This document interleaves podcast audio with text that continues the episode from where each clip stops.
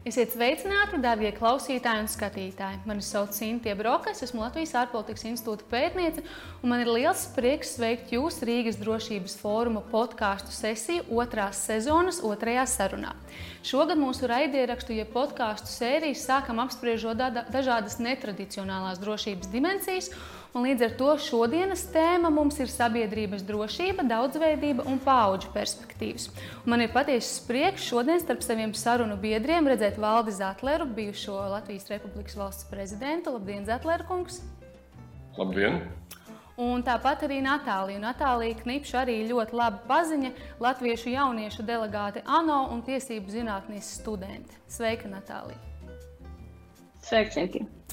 Lai arī šeit, klātienē un attālināti kopā šajā sarunā mēs pārstāvam dažas no paudzēm, bet tomēr tādā rietumu pieejā, sākot jau no 880. gadiem, mēs varam saskaitīt 5 līdz 7, 8 paudzes. Un mums visā, visām šodien, ne gluži visām, bet lielākajai daļai ir jāmāk līdzās pastāvēt. Līdz ar to arī um, var izskaidrot, kāpēc paudžu fenomens, paudžu fenomena pētniecība pēdējās desmitgadēs ir strauji pieaugusi. Un tas eh, iemesls ir pavisam vienkāršs, lai rastu iespējas mazināt paudžu plaisas, tādējādi veidojot stabilu, noturīgu un efektīvu sabiedrību. Ja? Un arī tas ir tas, ko es šodien aicinu, uz ko es aicinu mums šodien kopā ar šo sarunu virzīties. Un, uh, lai arī mēs dzīvojam vienā paudzē, vienā sabiedrībā, tomēr šis laiks, kurā mēs dzīvojam, protams, veido gan mūsu politiskos uzskatus, gan, gan attieksmes pret te tehnoloģijām, izpratni par modi, daudz ko citu, bet reizē arī vērtības. Un, līdz ar to arī mans pirmais jautājums mūsu pieredzes bagātākajam sarunas dalībniekam, Zetlera kungam, kā ir, vai ir viegli būt jaunam un vai ir viegli būt jaunam pārmaiņu sabiedrībā? nu, būtu viegli, nav nekad. Jaunam cilvēkam nav būt viegli jaunam jaunībā, un, un vecākam cilvēkam nav būt viegli savā vecumā. Un, ja mēs runājam par pārmaiņu sabiedrību, tad katrā ziņā, ja kāds cilvēks jūtas jauns savā, savā, savā garā, ja, viņš ir daudz vairāk piemērots pārmaiņām nekā tie, kas noveco vienalga vai jaunībā vai, vai vecumdienās. Manuprāt, jaunība ir zināms veids fenomens, sajusties jaunam, ja, kas palīdz virzīt visu pasaules priekšu. Un nebūtu tas nav paudžu konflikts, kā mēs kādreiz to gribam teikt. Paudžu konflikts ir bēgšana no realitātes. Paldies, Natālija! Vai viegli būt jaunai mūsdienās, šodien?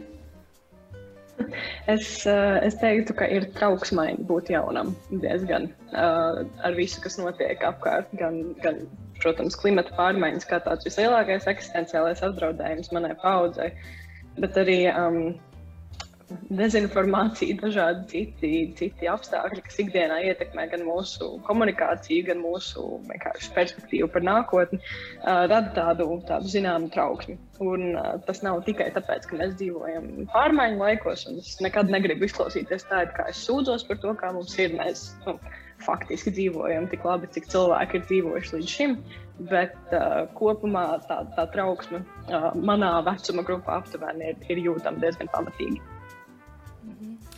Nu, jā, tas ir viens no noteikti to trauksmu, noteikti arī saistīta ar dažādiem citiem aspektiem. Viens ir šī paudžu perspektīva, bet arī iekš šīm paudzēm mēs tomēr visi esam ārkārtīgi dažādi. Mēs dzīvojam dažādās eh, reliģiskās pārliecībās, dažādas minoritātes, nacionālitātes, rases, reliģija. Visi šie jautājumi arī mūsdienās ir ļoti aktuāli. Un līdz ar to, Natālija, tad otrs jautājums, mazliet pārfrāzējot varbūt pirmo jautājumu. Um, ir, vai, vai ir droši būt jaunam šodien, un, un kā mūsu dažādība un daudzveidība ietekmē sabiedrības drošību, tavuprāt? Nu, manuprāt, um, daudzveidība un, un dažādība ir tikai bagātība un kaut kas uh, pozitīvi vērtējams, bet uh, cilvēki, protams, baidās no nezināmā un no sevis atšķirīgā, kas nu, to daudzveidību diezgan bieži pavērš par to sava veida apdraudējumu vai individam vai kādai konkrētai cilvēku grupai vai kopienai. Um, taču, manuprāt, no daudzveidības aizbēgt nevar. Un tas ir tikai laika jautājums, nezinu, pauģu jautājums, jo diezgan bieži šī te, nezinu, aizspriedumi vai um, negribu teikt naids gluži, bet, bet nāk no, no, no cilvēkiem, kuriem vienkārši nav bijusi tik plaša iespēja varbūt saskarties ar, ar, ar dažādo. Es uzskatu, ka dažādība ir, ir tikai vērtība, kuru nepieciešams kultivēt, lai mēs nonāktu pie lielākas sabiedrības drošības, jo no tās daudzveidības mēs nekādā veidā neaizbēgsim. Zetlera kungs, kā, kā jums drošība asociējas ar paudžu perspektīvu? Nu, es drīzāk teiktu, ka šī par šo dažādību. Nu, viņa reāli eksistē, tā dažādība. Ja? Tā, tā, tā problēma ir, ka mēs vienu ilgu laiku, kamēr mēs nesākām dzīvot ļoti aktīvas informācijas apreces sabiedrībā, vienkārši nezinājām par šo daudzveidību. Ja? Mēs jutāmies labi savā šaurā, šaurā vidē. Ja? Un, un, un, diemžēl tas turpinās arī tagad, jo kā cilvēki meklē izēju. Ja? Viņi nevis meklē kā izprast, kā saprast un cienīt eh, citādo, citādi domājošos vai citādi dzīvojošos, ja? bet viņi ielien savos burbuļos. Jo tā ir tā otra, otrs fenomens, kad šī informācijas sabiedrība eh, ļoti fragmentē sevišķi jaunus cilvēkus kaut kādā savā informācijas burbulī, Agrāk tas, piemēram, visspecifiskāk izpaudās Amerikas Savienotās valstīs, kur vienādi domājušie dzīvo vienā mazpilsētā ja, un nelaid nevienu citu iekšā. Ja. Tad šeit, piemēram, internets atļauj to, ka no, nu, no visas pasaules jūs varat grupēties, ja, norobežoties, un tas bieži vien novērš pie, arī pie sabiedrības fanatizēšanas. Tāds fenomens arī pastāv šobrīd, ja, kad cilvēki savās grupās diezgan fanātiski par savu pārliecību ja, un neko negrib dzirdēt par citiem. Un uh, tās nav tikai reliģiskās sektas, tās ir arī daudzas nevalstiskās organizācijas, kurām ir viens mērķis. Un, un, ja viņš kļūst par fanātisku mērķi, kas varbūt ir labi savu mērķu sasniegšanā, bet ja viņš neskatās uz to, ka pasaule ir daudz uh, sarežģītāka un cilvēki ir daudz sarežģītāki, tad ir ļoti grūti. Jo, ko es gribu teikt, uh, solidaritāti sabiedrībā ir ļoti grūti veikt, ja sabiedrība sastāv no fanātiskiem individiem. Ļoti grūti. Un, uh, mums jāsaprot, ka fanātisms var būt visdažādākā veida. Um, parasti es uh, to ilustrēju ar komunismu, kas bija fanātiskais ateisms. Un arī tas nodarīja sliktu, ja piemēram šai izpratnē par to, ka cilvēki ir dažādi, ja, un ka cilvēki dažādi domā, un viņu kultūras tradīcijas ir dažādas, un, un reliģiskās tradīcijas ir dažādas. Es domāju, jāiet tas ceļš, kad uh, mēs joprojām par maz zinām, un mums ir jāzina vairāk par cilvēkiem, kas mums ir blakus. Jā, absolūti. Es arī eh, sadzirdēju tādus ļoti nozīmīgus atslēgas vārdus - solidaritāte, kas, manuprāt, eh, demokrātiski funkcionējošā, funkcionējošā valsts sabiedrībā ir neatņemama sastāvdaļa. Un, un par to mēs varam runāt daudz un dažādos uh, procesos. Un viens no tiem procesiem, protams, arī ir. Uh, politiskas, politiska, politikas veidošanās process, un, un varbūt virzoties mazliet tādos uh, tveramākos jēdzienos. Pavisam nesen mēs aizvadījām Vācijas parlamenta vēlēšanas, kur iezīmējās ļoti, ļoti tāda, nu, no vienas puses varbūt interesanta, no otras puses varbūt nemaz nav tik pārsteidzoša aina, bet par to, kā balso sabiedrība Vācijā. Šobrīd un Vāciju mēs no Eiropas Savienības kontekstā tomēr varam uzskatīt par tādu priekšzīmīgo valsti dažādos aspektos. Un tad eh, šeit šā, šī plaisa starp paudzēm īstenībā ir diezgan izteikta. Eh, vēlētāji, kas ir jaunāki par 30 gadiem, proti, nu, es un Natālija būtu starp tiem, ja šajā, eh, šajā eh, sabiedrībā šobrīd šeit uz vietas balsoja par zaļo un liberālo balsojumu, respektīvi liberālo grupu, kas bija 22, 20%, un tikai 11% aizgāja par konservatīvajiem spēkiem. Ja? Turpretī personas, kas ir vecākas par 60 gadiem, savu balsi atdeva jau tradicionāliem spēkiem, tātad sociāldemokrātiskajiem spēkam un konservatīviem. Savukārt par šiem zaļajiem un liberālajām kustībām atdodot vien 8-9%. Uh, Līdz ar to, kā, kā, kā Zetlers kungs veidoja šī miedarbība starp valsts pārvaldi, politikas veidotājiem un sabiedrību, ja sabiedrība ir tik ārkārtīgi sašķelta tieši savu, šajā, savu šo paudžu perspektīvu raugoties? Katrai paudzei ir savas, savas prioritātes. Un uh, mums jāsaprot, to, ka paudzes šobrīd mainās nevis ik pēc 20 vai 10 gadiem, bet ik pēc 3, 4 gadiem. Jo visas tehnoloģijas un izglītība, ko viņi iegūst, mainās tik strauji, jau kad jau tā, tiem, kam ir 24, jau domā pavisam savādāk nekā tie, kam ir 28, un pat tiem, kam ir 16, vispār nerunāsim. Ja? Tā ir normāla parādība, un tā ir jāpielāgojas. Protams, te ir tas jautājums, ja, vai šī vecākā paudze grib pārbaudīt vērtības stabilitāti. Viņa stabilitātes viensim, prasība ir, tāda, ka nu, šito es pazīstu, par šito es arī balsoju, tā ir mana dzīves pieredze. Jo atšķirība jau starp paudzēm ir tikai dzīves pieredze. Ne jau kaut kas cits viņus atšķir. Ja? Jaunie vēl pieredzēs to, ko vecie jau ir pieredzējuši. Ja? Nekas jau jauns šajā pasaulē nav izdomāts no grieķu dramaturgijas laikiem jau no Bībeles sarakstīšanas. Tā kā situācijas atkārtojas.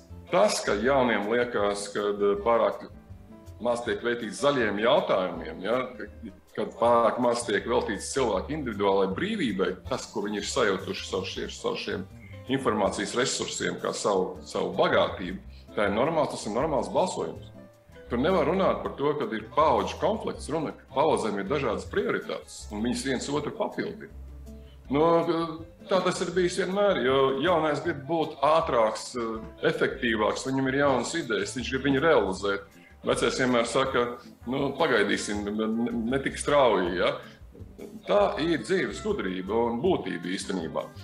Kas cits ir redzams parlamentu vēlēšanās Vācijā, ka vācu sabiedrība kļūst ar vien sarežģītāku. Nav vairs šī vecā dalījuma tikai sociālisti, konservatīvie. Ja? Ir, ir daudz pilnīgi jaunas grupas, kas jau ieņem ievērojamu skaitu no Bundestāga vietām, kam ir sava ideoloģija, tad savs skatījums uz to, kā būtu jāpārvalda Vācija, kā būtu jādzīvo Eiropā. Tā kā tas ir, tas ir pilnīgi normāli. Jā. Un, ja mēs runājam par pauģu konfliktiem, tad es domāju, ka pēdējais pauģu konflikts bija 70. gados, kad bija studentu demonstrācijas. Francijā gan arī sabruka valsts tikai šo demonstrāciju dēļ. Šobrīd runāt par pauģu konfliktiem, kas būtu agresīvi, uh, Es nekādu nevaru. Nu, par Latviju runājot, es teiktu, ka nu, tie jaunie tādi remdeni un tie vecie tādi remdeni, tāpēc arī konflikta nav. Jo. Natālija, kādas tavas pārdomas par, par, par šo politisko spēku veidošanās procesiem? Nu, par politisko spēku veidošanās procesiem tieši par, par kā, vēlēšanu rezultātiem. Vēlēšanu un rezultātiem un balsojumiem pie vēlēšanās. Jā. jā tas starp paudžu attiecības es vienmēr cenšos uzturēt, ka tām ir jābūt uh, balstītām iecietībā, bet ne tolerancē. Uh, manuprāt, tās ir divas diezgan dažādas lietas, jo tolerance var novest pie, pie, pie tiešām, manuprāt, uh, nevienam neizdevīgiem rezultātiem, bet uh, iecietība un cieņa gan. Uh, Un skatoties, es pilnībā piekrītu Zatarkungam, ka, manuprāt, ir vienkārši pamatīgi atšķirīgas prioritātes paudžu starpā, kas ir pilnīgi normāli, jo jā, viena paudze ir uzaugusi ar, ar cita veida eksistenciāliem apdraudējumiem nekā nākamā. Un šeit tiešām var runāt par paudzēm, kuras mainās ik pa nezinu, pieciem gadiem, kad mēs redzam to, kā jauni cilvēki uzaug ar vēl lielāku lielāku apziņu par, par klimata apdraudējumiem, piemēram. Un tad šeit vispār nevar būt runa par to, ka tas ir konflikts, drīzāk prioritāšu atšķirība. Un jauni cilvēki, kā jau arī Zeltnerkungs minēja, var redzēt kaut vai no Grētas Thunbergas pieejas viņas visās uzrunās, kas uh, parāda, jā, protams, klasiskais uh, aptuveni mēs zinām, kā, ne, nevis mēs zinām, kā vajag labāk, bet mēs redzam, kas nestrādā, un mēs vēlamies virzīties uz priekšu. Un šeit ir ļoti interesants fenomens, kas novērojams arī Latvijas kaut vai saimnes vēlēšanās, ir tas, ka konstanti ir sarunas par to, ka jā, vajag jaunus cilvēkus, vajag kaut ko jaunu ieviest um, mūsu politiskajā um, sfērā, jaunus cilvēkus, jaunas asins. Bet tajā gadījumā, kad, piemēram, jauns sieviete dodas kandidēt saimnes vēlēšanās, viņa tiek apmētāta ar akmeņiem un teikt, teikt viņai ir, ka viņa ir pārāk jauna, pārāk nezinoša, lai, lai pat apsvērtu domu būt par saimnes deputātu, piemēram. Tad nu, šeit cieņai jābūt abpusējai, lai varētu produktīvi nonākt pie kaut kāda kopsaucēja, kas ir šīm dažādo paudžu prioritātēm. Jo visi, protams, vēlas dzīvot labi, bet ideja par to, ko nozīmē dzīvot labi, um, ir atšķirīga. Nu, ko es sadzirdēju, ka, ka varbūt tādai e Eiropas attīstībai un Eiropas solidaritātei drauds nav gluži paudžu konflikts, jo tāda varbūt tieši caur paudžu perspektīvu mums nav, bet tomēr šī prioritāšu atšķirība un Natālijas pieminētais arī klimata jautājums. Tu varbūt papildinot to, kā tu redzi, kā tas var attīstīties, kā var sarunāties jaunieši, kuriem šis, šis te temats Eiropas līmenī ir ļoti aktuāls, kā viņi savu balsi var likt dzirdēt tiem lēmumu pieņēmējiem, kam tas būtu jādzird. Jo aktīvisms ir visā Eiropā diezgan attīstīts un plašs, bet vai ar to pietiek? Es teiktu, ka šeit ir, ir divi aspekti. Jo, nu, atkārtošu to, ko es jau esmu manuprāt, teikusi iepriekš, ir, ir diskusijas, piemēram, par jauniešu politiku ministriju līmenī, uz kurām netiek uzaicināts tieši neviens jaunietis. Tātad, kur nu vēl runa par klimatu politiku? Um, ir ļoti, ļoti akūta nepieciešamība ņemt vērā jaunāko paudzi. Latvijā ir ļoti daudz jaunu ekspertu, kaut vai tieši klimata jautājumos vai, vai, vai citās sfērās, uh, kuri zina, par ko viņi runā un ir gan kompetenti, lai iesaistītos un pārstāvētu ne tikai savu profesionālo viedokli, bet arī savu paudzi. Un otrais, ko es gribu teikt, tas ir drīzāk uh, tieši attiecībā uz, uz jauno paudzi, ir fakts, ka ir jābūt gataviem iziet uz kompromisiem. Uh, vai gataviem um, piekrist kaut kam, kas ir ietērts. Um, varbūt ne gluži vai marketēts ne gluži tādā veidā, kā mēs to gribētu redzēt. Piemēram, mēs uh, uzlabosim savu klimatu politiku, atsakoties no um, nezinu, en enerģijas, kas ienāk no mūsu austrumu kaimiņa. Uh, kā rezultātā mēs būsim patstāvīgāki, bet arī būsim zaļāki attiecībā pret klimatu. Tā kā katra, ir jārēķinās, ka katram politiskam spēkam un arī politiķim visticamāk būs kaut kāda doma, kā šo pagriezt par sev vēlamāku vai, vai sev uh, izdevīgāku variantu situācijas risinājumam. Pat ja tas nebūs uzreiz tas galamērķis, ko mēs gribam sasniegt, tas ir solis. Un, uh, tas jaunības maksimālisms šādos procesos, um, diemžēl, nestrādās. Un es atzīstu, ka tāds pastāv, jo es to redzu gan sevī, gan, gan savos laikbiedros. Bet, uh, bet tas līdz galam, uh, ja tiešām ir mērķis sasniegt mērķi, vēlme sasniegt mērķi nav, nav produktīvākais. Mm. Paldies, Zetlers, kungs, vai jūs piekrītat iepriekš dzirdētājiem? Un, un kāpēc tad ir tā, kā Natālija saka, kad īsti tos jaunošus pie, pie tā sarunu galda, kurā tiek spriests par jauniešu iesaisti, mēs, mēs neuzrunājam un neiesaistam? Kāda tam ir iemesli varbūt? Nu, tad jautājums ir, cik gadiem mēs es, esam jaunieši? Jā. Tas ir ļoti grūts jautājums. Redziet, arī politika pārņems jaunā, jaunā paudze. Paudžu maiņa tur notiek, un viņi, viņi notiks. Ja. Tik jautājums, kādā veidā tas notiks, un cik par to ir atbildīgi jaunie cilvēki, un cik par atbildīgi ir pieredzējušie politiķi. Un es domāju, ka atbildīgi ir abi divi. Un jauniešiem jau drusku agresīvāk. Ja. Es pateikšu, kāpēc. Redziet, tā lielākā lieta, ko piemēram klimata pārmaiņu virzienā varētu darīt jaunā paudze, ir patēriņu ieradumu maiņa. Jūs vienam padzīvošam cilvēkam nevarēsiet piespiest mainīt viņu patēriņa ieradumus, jo viņš vienkārši tā ir pieredzējis. Ja. Jaunais cilvēks un jaunā paudze var nākt iekšā ar pilnīgi citu attieksmi pret patēriņu, ko mēs patērējam, un saprast, ka bieži vien precēm 70% no vērtības ir, ir iepakojums un nevis tas, kas tur ir iekšā. Ja. Tas pats attiecās arī, ka jābūt ļoti vispusīgai izpratnei par klimatu maiņām. Piemēram, elektroautobīļus eh, pilsētā. Protams, pilsētā tas nāk simtprocentīgi par labi, gaiss ir tīrāks un tā tālāk. Bet kur šī e-, enerģija tiek saražota un no kā? Uh, tas ir tas pats, kas piemēram uh, šie plasmasas maisiņi ja, un, un viss pārējais. Ja. Mēs tā fanātiski cīnāmies un tā pašā laikā lietojam. Viņi nekur nepazūd. Un tas ir vēl lielāks draudz ekoloģijai nekā, nekā varbūt viena vien, vien izmeša no automobīļa. Lielāks, tāpēc ka šis piesārņojums nav atgriezenisks. Ja? Tā kā jaunā paudze uh, nāk, būtu labi, ja viņi nāktu iekšā ar, ar dzīvesveidu maiņu, ar patēriņa ieradumu maiņu. Un ar to viņi dabūtu arī atbalstītājus, ja jau lielāku teikšanu lielajā politikā. Ja es drīkstu šeit Jā, piebilst, droši. tad uh, ir diezgan, uh, es pilnībā piekrītu tam, ka ir jāmaina, jābūt šai dzīves stila maiņai. Liela daļa jauniešu to arī man ieskaitot piekopju. Un, un, un, un tas ir kaut kas, kas ir tāda nu, zināma modes lieta jau pēdējos dažus gadus, uh, kur, ja tev nav tāda līdzimamā, daudzreiz lietojamā krūze vai auduma maisiņš, tu, tu netiec līdz galam vairs daudzās uh, jauniešu grupās pieskaitīts. Bet, uh, bet kopumā klimata pārmaiņas, nu, tai ir jābūt sabiedrības mentalitātes pārmaiņai, bet klimata pārmaiņas šie patērētāju uzvedība līdz galam pilnībā neatrisinās, ja nenāks diezgan drastiskas un, un ātras uh, politikas izmaiņas uh, no, no lēmumu pieņēmēju puses. No tā, kā tiek regulētas konkrētas industrijas, tas, kā mēs virzāmies uz priekšu. Un Eiropas Savienība ir izvirzījis ļoti, ļoti ambiciozus mērķus salīdzinot ar, ar visu pārējo pasauli. Taču ir, ir pierādīts, ka, ka diemžēl patērētāja uzvedība vien neatrisinās, neatrisinās šo problēmu tādā līmenī, kādā tas būtu nepieciešams. Un otrs ir jauniešiem ir jādod iespēja, pilnībā piekrītu tam jānāk no abām pusēm. Bet arī ļoti, ļoti nereti sanāk, ka ir vai nu attieksme, ka jaunieši šeit nav gaidīti, mēs pieņemsim lēmumus atsevišķi, vai otra pieeja, ka jūs esat šeit, lai izglābtu nākotni. Un neviena no tām nav, nav līdz galam produktīva.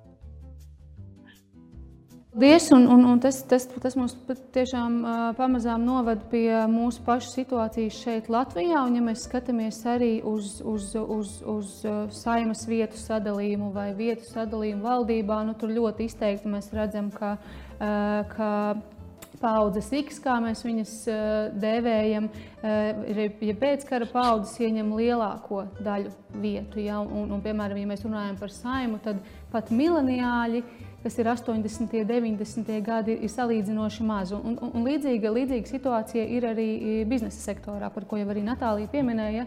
Un tur, protams, tie izaicinājumi var būt dažādi. Viens mēs varam runāt tiešām par pieredzes trūkumu, bet, bet otrs varbūt tiešām tā kultūra, kā mēs, kā mēs veidojam savus uzskatus un attīstam, ir, ir, ir atšķirīga un būtu jāmaina.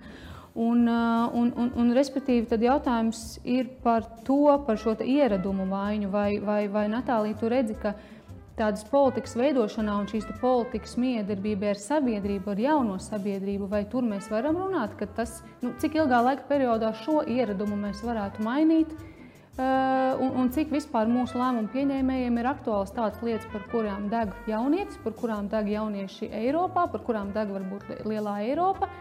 Ja mums ir mūsu vieta jau salīdzinoši ilgu laiku, mēs esam savas, savas partijas pārstāvi šeit Latvijā, kāpēc mums tās pārmaiņas ir nepieciešamas? Nu, es uzskatu, ka, ka kopumā pirmā prioritāte būtu, būtu vietēji panākt to, ka, ka visi Latvijas jaunieši patiesībā saprot, ko dara kaut vai saima. Jo manā skolā, piemēram, to nemācīja. Uh, tas nu, tā, tādas pamata, pamata izglītība par politiku kā tādu, par, par vispār parastākajiem pamatu politikas procesiem par institūcijām. Man, kā Latvijas jauniešu delegātajā, nav vislielākā cīņa pēdējo gandrīz jau pusotru gadu ir bijusi panākt to, ka Latvijas jaunieši vispār zina, kas ir apvienoto nāciju organizācija un ka tāda eksistē. Tad eh, kā mēs varam vēl tālāk runāt par, eh, par kaut kādu izpratni par to, kā būtu jāstrādā, jāstrādā paralēli. Um, paudzēm vai, vai konkrētiem jauniešu pārstāvjiem. Un šeit, man liekas, ir tas iemesls, kāpēc jaunieši varbūt nav tik plaši pārstāvēti politikā, ne tikai tas pieredzes trūkums, bet arī fakts, ka ļoti daudz jauniešu pirmkārt vai negrib iet politikā, jo redz, kā tas izskatās no malas un arī esot tā pusēji iekšā tajā nevēlas, nevēlas tur, tur doties tālāk un attīstīt savu profesionālo dzīvi. Um, un, un tas vienkārši rada tādu nu, eks, ekskluzivitāti politikai. Un, un arī, ja, ja jaunieši tiek uzaicināti, tad nu, es ļoti bieži esmu tas viens jaunietis, kas ir uzaicināts uz šīm sarunām. Un, diemžēl, nereti jāsaka, ka tas ir tīri tāpēc, lai būtu viens jaunietis, nevis, nevis lai viņā ieklausītos. Mm. Zatverkungs, jūsu pārāk pastāv Latvijā, te pie mums paudžu līderība, saimā, valdībā, politiskā nu, līmenī. Vai tiešām, vai tiešām tā pieredze ir tas noteicošais faktors, vai varbūt ir arī kādi citi klātesoši faktori? Es šodien paspēlēšu tādu drusku izaicinošu personu. Ja? Jo, piemēram, man vienmēr ir bijis vilinājums vest jaunos cilvēkus, dot viņiem iespējas gan profesionāli, gan strādājot par ārstu, gan arī politikā. Un tas bija interesanti, ka tā pieredze nebūtu nebija tik rožaini, ja vēl profesionāla līmenī tiešām es ļoti apmierināts ar to, kā tie jaunieši tālāk veidojas savas karjeras, tad politikā atcerot ir drusku savādāk. Tas ir daudz, daudz, daudz grūtāka disciplīna, ja, un ir vajadzīgi ļoti pārliecināti, pašpārliecināti, spēcīgi uh, savās personībās cilvēki. Un uh, divas pieredzes, ja, kuras jūs visi ļoti labi zināt, uh, kad beidzās vēlēšanas, jā, kas tad mani nodeva jaunieši līdz 28 gadiem, kuriem es uzticējos. Jā. Tālāk nākošā grupa no 30 līdz 40 gadiem, kuriem es visiem devu iespējas, un, un viena liela daļa no viņiem vēl šobrīd ir aktīvā politikā un ar labām reputācijām. Bet viena, viena daļa vienkārši nolūza. Jūs saprotat, jābūt ļoti spēcīgam cilvēkam. Ja tu uzņemies atbildību par sabiedrību, tad tu nevari būt vienkārši tāds nu, garām gājējs vai arī savu pašlabumu meklētājs. Vieni pašlabumu meklētāji kļūst par nodevējiem, ja, un, ja tu esi tāds vārgulis, ja, tad tu arī ne, ne, nesasniedz savus mērķus. Ja. Tā ir mana personiskā pieredze, kas, domāju, Natālijai vēl ir priekšā. Ja. Tā kā nu, cilvēki ir, ir, ir, ir tādi, kādi viņi ir un viņi veido savu sabiedrību un savu sabiedrības pārvaldi, ja, kā viņi to māca. Bet viens ir neizbēgams. Varu pārņems jaunās paudzes. Tas ir tas mierinājums, ja viņiem būs jāuzņemas atbildība. Un ne, vienalga, vai tas būs patīkami izskatīties vai nepatīkami izskatīties, galvenais ir tas, lai būtu vēlēšanās cīnīties par savām idejām ja, un arī par savu vēlmi veidot šo pasauli labāk. Un, un drusku romantismu un ideālismu vienmēr ir nepieciešams, jā, jo savādāk nekas tur prātīgs nesanāk. Jo pamatā tam ir vērtības, kas ir ieliktas cilvēkos viņu pirmajos septiņos gados. Tāpēc jau arī tās paudzes atšķirās tik ļoti. ļoti. Kad uh, katrs mēs esam uzauguši savus pirmos dzīves gadus pilnīgi citā eksistenciālā apdraudējuma vai vērtības sistēmā. Vērtības, starp citu, nav mainījušās, bet attieksme pret vērtībām mainījusies. Mm. Tieši tā, Natālija, ko piebilst? Nē, nu, es, es varu tikai piekrist. Un, un manuprāt, nu, man vienmēr mulsina tas, tas sadalījums jaunieši un visi pārējie. Jo, jo nu, kā, mums, mums ir dažādas, protams, dažādas varbūt, prioritātes, bet, jā, kā jau mēs runājam, tās mainās ļoti, ļoti strauji. Un, un kopumā Uh, es uzskatu, ka, ka kamēr cilvēks ir gatavs strādāt, tad, tad viņa vecumam īsti nav nozīmes un ir gatavs darīt, uh, darīt to, ko viņš ir uzņēmies darīt. Tad, tad, nu, tad vecums nebūs tas noteicošais, kas, uh, kas viņu atdalīs kaut kā vai, vai nodrošinās izaugsmu vai tieši, tieši um, nozušanu. Uh, bet, uh, bet jā, pilnīgi noteikti. Manuprāt, jaunās paudzes mainās tik, tik ļoti strauji, ka, ka es nezinu, kā mēs drīzumā vairs varēsim vispār runāt par starppaudžu konfliktiem. Es nezinu, starpu gadu kon konflikti vai, vai kaut kas tamlīdzīgs. Uh, un, un tam visam tiešām nevar izsekot. Tāpēc, manuprāt, mums būs jābūt uh, gan fleksibliem, un, uh, gan, uh, gan atvērtiem savās, savās domās un prātos, kas ir, manuprāt, iemesls, kāpēc mums ir jāvirzās pēc iespējas iekļaujošākām demokrātijām, kas visus valsts pilsoņus atzīst uh, vienlīdz un, uh, un ļauj viņiem dzīvot pilnvērtīgas dzīves. Tieši tā, es, es pilnīgi varu piekrist. Viens ir tas, ka, ka, ka, ka, ka mēs mainamies, bet pasaule mainās un tehnoloģijas mainās tik strauji. Un es savos zem 30 gados eh, šodien, laikam, 13. iPhone Latvijā ienāk un ir pieejams. Godīgi sakot, es, es, es, es nevaru apzināties visas funkcijas, kas ir viņā pieejamas. Tad, tad, nu, tā tehnoloģiskā attīstība un, un tam, kam šie jaunie cilvēki pēc mums vēl iet cauri, ir, ir, ir ārkārtīgi kaut kas nu, tāds vispār netverams un neiedomājams. Protams, tehnoloģijas ir viens stāsts, un, un, un tam arī ir ļoti, ļoti liela saikne ar, ar, ar sabiedrības drošību un ar individu drošību, gan starptautiski, gan pie, pie, mums Latvijā. Bet uh, to varbūt uh, atstāsim citām sarunām. Bet, uh, Man vēl tomēr par to, par to drošības jautājumu būtu jautājums, Eh, tādā kontekstā par tām eh, sabiedrības un indivīda nepieciešamībām, respektīvi, kam sabiedrībai un individam ir jābūt, lai sabiedrība kopumā justos droši, lai man kā jaunam cilvēkam, sievietei nebūtu bail pastaigāties pa naktsnīgām Rīgas ielām, vai man kā jaunietim, 20, eh, 30 gadniekam nebūtu bail pretendēt uz parlamenta vēlēšanām Latvijā, respektīvi, kuri kur ir tās robežas, kur ir mūsu individuāla atbildība kā sabiedrības loceklim, un kur tomēr ir arī valstiskā atbildība šajos jautājumos. Zetlera kungs, varbūt jūs. Nu, principā tas ir visi solis problēma. Ja? Tad indivīds veido valsti, ja? un tā valsts savukārt rūpējas par individu. Ja? Un, un drošības sajūtai, jo drošība ir sajūta, tas nav nekas objektīvs. Ja? Tad kā mēs jūtamies? Protams, ir privātās telpas drošība, kas visiem ir svarīga. Un, un gan jauniem, gan veciem cilvēkiem. Un, Un kā to nodrošināt, par to jāpadomā ir valstī. Bet ja, tam idejām jānāk no cilvēkiem. Un, protams, ir, ir ļoti patīkami dzirdēt no tiem, kas iebrauc mūsu piesaules pilsētā Rīgā, kur tomēr ir diezgan liela pilsēta, ka šeit ir droši.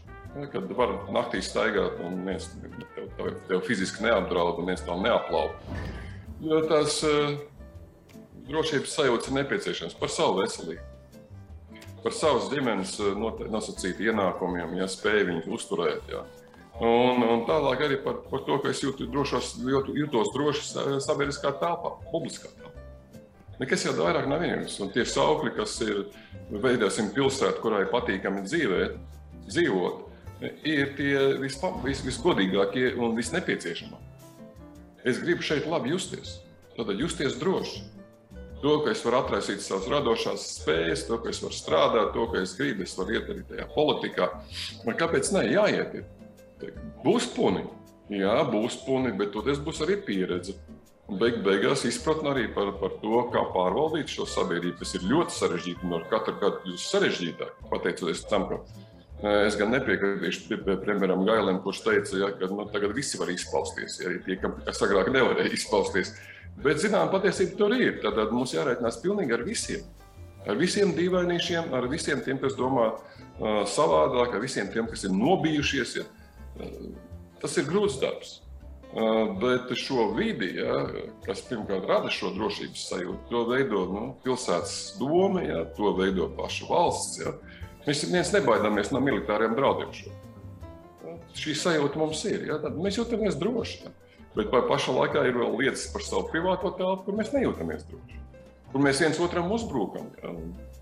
Un, bieži vien, nu, saka, diezgan nepatīkamā veidā uzbrukam. Šī drošības sajūta, viņi, viņi ir jārada un par to ir jādomā nepārtraukti. Un katram individam, jo individs veido valsti. Pilnīgi piekrīt, Natālija, varbūt arī tā tava pieredze Jo tu publiskajā telpā ļoti bieži izsakies, ar, e, stāsti, dalies ar savu pieredzi, cik, cik citreiz tā ir bijusi veiksmīga un citreiz tā nav bijusi tik veiksmīga. Un, kā domājot par to, ka mēs dzīvojam Latvijā, demokrātiskā Eiropas Savienības valstī, tomēr vēl joprojām pastāv zinām izaicinājumi. Kāda ir tā tava pieredze un redzējums? Jā, um, prieks dzirdēt, ka ir cilvēki, kas Rīgas ielās jūtas droši. Es un, un lielākā daļa manu vismaz um, draugu tā nejūtās. Uh, uz ielām ir īpaši tumšajās naktas stundās, bet ne tikai. Uh, tā drošība ir, um, ir, nu, ir, ir grūti, protams, identificēt to, kurā brīdī tā drošības sajūta ir, ir, ir objektīvi vai neobjektīvi zudusi. Bet, eh, bet, bet, bet tā, tā ikdienas sajūta Rīgas ielās pilnīgi noteikti nav sajūta, kas, kas man, ko es raksturotu kā, jā, šeit es jūtos droši, šeit es jūtos patīkami. Um, ejot no rītiem uz darbu, varbūt, bet, bet vakaros uh, pastaigājoties uh, vienatnē, pilnīgi noteikti nē. Um, un kamēr mūsu sabiedrība būs sabiedrība, kura kā automātisku nepieņem viedokļu daudzveidību vai perspektīvu daudzveidību, manuprāt, mēs arī nenonāksim pie tādas kolektīvās drošības sajūtas. Jo, lai tāda pastāvētu, katram ir, ir jājūtās tā, it kā viņš var izpausties un, un netikt uzskatīts par muļķīgu, pieņemsim. Um, nu, man, man vienmēr mulsina tā, tā vēlme kaut kādā ziņā līdz galam saprast cilvēku identitāti un piedarību, jo, jo mums nav līdz galam jāsaprot. Mums ir tikai jāpieņem tas kā fakts, ja šis cilvēks šādi jūtas. Labi. Tālāk to var mēģināt risināt, lai, lai, lai padarītu situāciju, piemēram, drošāku. Tad var mēģināt saprast. Bet, bet mums būtu jāmācās, man liekas, kolektīvi. Un šeit arī nāk tā iecietība, nevis tolerants, ka jāmācās pieņemt un saprast, um, ka, ka tās mūsu ikdienas pieredzes ir ļoti, ļoti dažādas pilnīgi katram. Un tas nav tikai paudžu jautājums, tas nav tikai dzimuma jautājums, tas nav tikai piemēram, LGBTQ kopienas piedarīgo jautājums. Tas ir, tas ir globāli visai sabiedrībai uh, kopīgi risināms gan individuālā līmenī, gan attiecībā vienkārši vienam pret otru ikdienā. Labi, bet tad, tad varbūt kas ir nu, nu, tas rosinājums, vai, vai tas viss nāk no ģimenes, vai skolā kaut kas tiek izdarīts nepareizi. Kāpēc tad liela daļa sabiedrības locekļi mēs esam tādi, kādi mēs esam? Neiecietīgi, neiekļaujoši. Ne visi, bet nu, daļa ir. Ja, ja šīs daļas nebūtu, tad mēs justos drošāk. Kur tad ir tas, tas tas problēma posms, kurš, kurš ir ļāvis mums tādiem veidoties, tavā skatījumā? Ne, nu, ir viegli teikt, ka viss sākas ģimenē, bet tā arī, manuprāt, ir. Tas sākas ģimenē tajos pirmos septiņos gados, kā jau prezidents kungs teica. Tālāk, protams, tā ir skola. Skolā mēs mācāmies nu, komunicēt ar savu vecumu cilvēkiem, ar cilvēkiem, kas ir autoritātes pozīcijās mums. Un šī cieņa, kā kurā skolā, manuprāt, tiek kultivēta vairāk pret kā, cilvēkiem, kas ir vecāki par mums, nevis tik ļoti pret saviem līdzcilvēkiem. Tad nu, to, to cieņas aspektu, manuprāt, ir grūti grūti ieaudzināt. Un, un tāpēc arī es vienmēr cenšos uzsvērt, ka, ka mums ir nepieciešama platā, plašāka kritiskās domāšanas iekļaušana mūsu izglītības sistēmās, bet ir jānāk līdzās ar emocionālās inteliģences apgūšanu, ko, protams, nevar vienkārši iemācīt stundā, mācību stundā, bet, bet tai ir jābūt. Kā daļai no tā, ar ko mēs aprīkojam cilvēkus, lai viņi tālāk iet pasaulē un, un, un, un komunicē. Jo ļoti liela daļa no tā, ar ko piemēram, es saskaros ikdienā, vai citas jaunas sievietes saskarās ikdienā, kaut vai vienkārši man visvieglāk runāt no šīs perspektīvas, ir, ir tiešām balstīts tajā, ka tā ir sabiedrības grupa, kas faktiski netiek cienīta liela daļa no laika. Un to cieņu iemācīt. Ir, ir jāgrib viņu iemācīties. Es nezinu, vai cieņu var iemācīt ar varu, jo tas jau fundamentāli būtu pretrunīgi. Paldies, Zetlers, kungam ir ko piebilst. Nu, viss ir dzīvē ļoti relatīvs. Ja man kāds kādreiz būtu teicis, ka vienīgais, no ko es baidīšos Rīgas ielā, ir velosipēdisti, nevis mašīnas, es teiktu, nu, nu nekad tas nevar būt. Ja. Tas ir. Es pilnīgi piekrītu par šo cieņu. Jo, jo cieņa pret sievieti īstenībā nu, to arī ieraudzina šajos pirmajos gados. Ja. Un, un, un mēs daudz paši zini, esam darījuši, lai tā cieņa mazinātos. Jo, redz, palaist sievieti pa priekšu vienalga pa, pa durvīm, sabiedriskā transportā, ja? pasveicināt, ja, ja, ja, ja, ja tas ir nepieciešams, ja? piepalīdzēt, ja tas ir nepieciešams.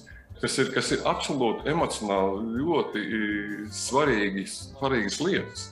Nu, mēs pamazām to no, nonivelējam. Nu, mēs cīnāmies pret smēķi, smēķēšanu, jā, bet tā pašā laikā staigājam ar papīra turziņām, kurās ir kafija jā, vai kāds cits dzeramais. Un nekad nedomājam tajā brīdī, ka mēs piesārņojam vidi. Mēs izdzeram kafiju kafejnīcā un noliekam tasīt nomazgāšanā.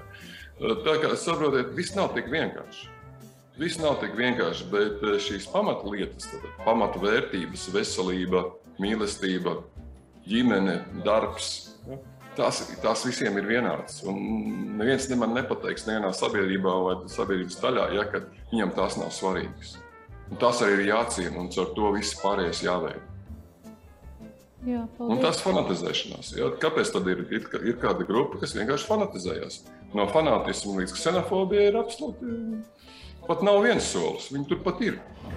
Tad mans viedoklis vienīgais pareizais. Nu, nav. Mums ir Latvijā divi miljoni viedokļu. Jāiemācās tos cienīt saprast. Es arī piekrītu par to vārdu tolerēt, jā, tāpēc, ka tolerēt nevar pieciest ar sakostiem zobiem, jā, bet šito nevajag. Jā. Tāpat es arī gribu palabot par kritisko domāšanu. Latviešu valodā ir ļoti labs cits termins - vērtējošā domāšana. Kur, piemēram, angļu valodā nemaz tāda termina nav. Mēs esam pārcēluši to kritikālu, jā, bet latviešu valodā kritikāli nozīmē nomalnojoši, jā, nolīdzināt līdz ar zemi. Tā kā Mums ir jāpadomā arī pie valodas, kādā mēs viens ar otru runājam.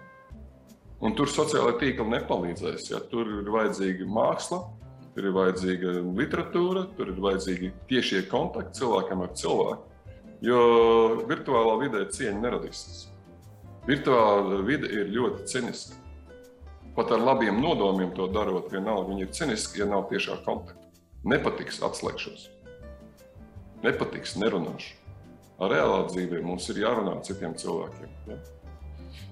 Absolūti, un šī jūsu pieminētā iekļaujošā valoda, nu tā, tā, tas ir ļoti būtisks aspekts mūsdienu sociālo tīklu laikmetā un, un, un visā skrējienā, kurā mēs, mēs atrodamies kā sabiedrība. Tā kā, tā kā noteikti. Un, uh, es teikšu paldies Natālijai, paldies Zetlera kungam. Uh, tas galvenais secinājums noteikti tas, ka dienas beigās mēs visi esam cilvēki. Vienalga ar kādām pārliecībām, vienalga kādai minoritātei piederoši, vienalga kādai paudzei piedaroši. Mēs esam cilvēki, un, un es tiešām visus klausītājus, skatītājus aicinātu uz iekļaujošām un cieņpilnām sarunām un attiecībām ar saviem līdzcilvēkiem. Uh, Jo tas tikai tādējādi mēs veidojam to sabiedrību, to valsti, kurā mēs dzīvojam, un, un tikai tādi, tādējādi mēs varam veicināt arī drošības vairošanos un augšanu mūsu sabiedrībā. Paldies, eh, Natālija Zetlerkungs, vēlreiz. Paldies, ka skatījāties un tiekamies jau pavisam drīz nākošajās eh, podkāstu ierakstu sesijās. Thank you